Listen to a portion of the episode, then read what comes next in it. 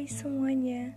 Eh, Assalamualaikum Milkomers Apa kabar hari ini? Semoga baik-baik aja ya. Oh iya Yang baik jangan cuman raga Tapi hatinya juga. Ini podcast pertamaku. Yang aku namai Rindu Bercerita. Iya Rindu sebenarnya singkatan namaku Rinduana. Cuma di sini aku ingin mengartikan rindu bercerita adalah untuk orang-orang seperti aku, kamu yang mungkin gak punya tempat untuk bercerita.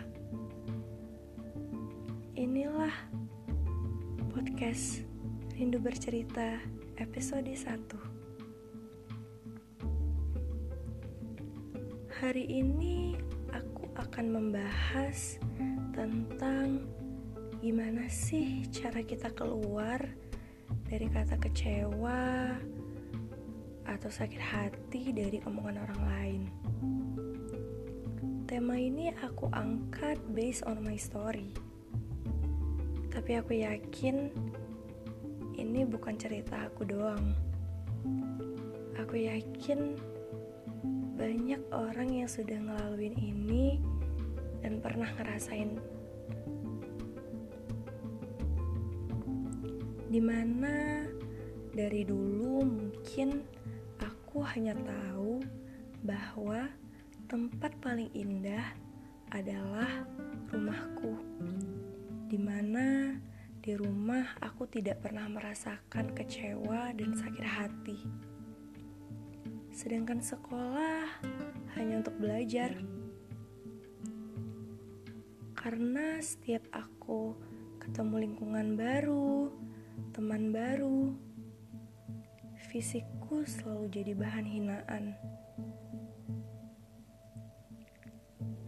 Tema ini aku angkat dari pertanyaan-pertanyaan yang ada di lingkunganku. Rin, gimana sih cara kita biar nggak sakit hati atau kecewa kalau dikatain tentang fisik? Misalnya, dikatain nggak cantik, nggak putih, nggak mancung, nggak manis, nggak mungkin ada cowok yang mau, bahkan mungkin ada cowok yang jadi menghindar gara-gara fisik.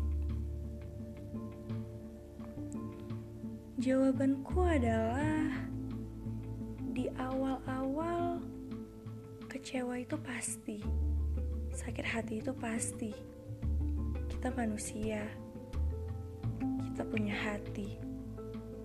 Tapi aku selalu bilang ke diriku sendiri dan ke lingkunganku ketika kamu sakit hati, ketika kamu kecewa, ketika kamu pengen nangis, beri satu waktu untuk kamu nangis sepuasnya.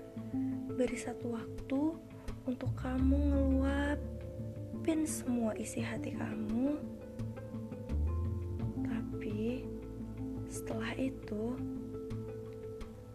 kamu harus berpikir lagi. Kalau kamu stuck di kecewa, kalau kamu stuck di sakit hati, tanpa kamu sadari, kamu udah ngebuang waktu kamu. Kamu udah sakitin diri kamu sendiri. Cara terbaik kamu, aku harus rubah pola pikir kita.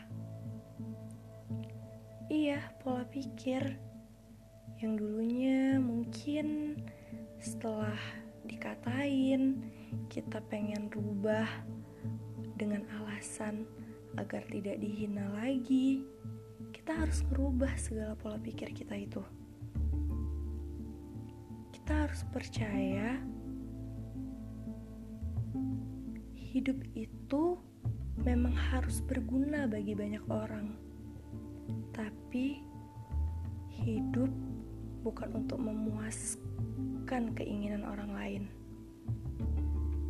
Kritikan dijadikan masukan, bukan dijadikan patokan untuk hidup kamu ke depan. Sampai di titik ini, emang gak semudah itu. Aku pun perlu waktu bertahun-tahun untuk ngebuat diri aku bisa kuat dan percaya diri.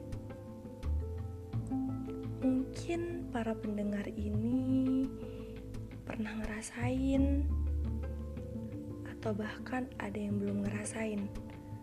Aku doain yang belum ngerasain jangan sampai ngerasain. Tapi percaya buat kalian semua, para ilkomers, ketika kamu selalu mencoba memuaskan keinginan orang lain, itu akan membuat kamu mengecewakan diri kamu sendiri.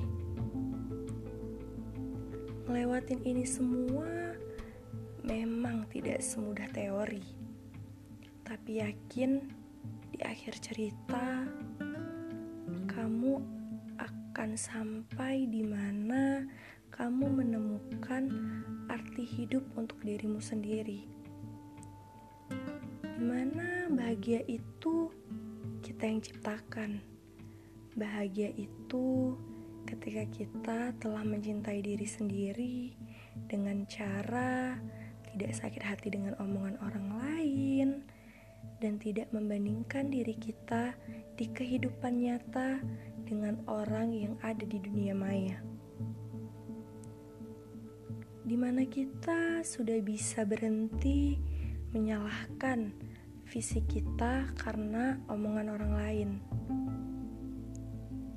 Jika itu sudah bisa dilakukan, yakinlah aku, kamu, dan kita semua tidak akan kecewa atau sakit hati jika ada yang memandang buruk tentang fisik kita. Dan yang harus aku, kamu, kita ingat bahwa ketika kita tidak dihargai atau tidak diterima di lingkungan karena fisik kita, ingatlah bahwa Allah telah menciptakan doa yang tak mengenal jarak dan tak memilih rupa.